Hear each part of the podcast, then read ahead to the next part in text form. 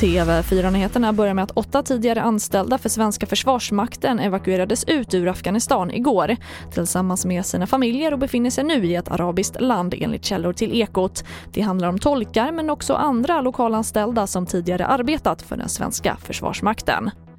Och I Oslo har antalet olyckor med elsparkcyklar minskat kraftigt efter att man infört hårdare regler, det rapporterar SR. De får inte längre användas på natten och företagen har fått skärpt skyldighet att flytta felparkerade fordon. Och antalet tillgängliga elsparkcyklar har också minskat från 20 000 till 8 000.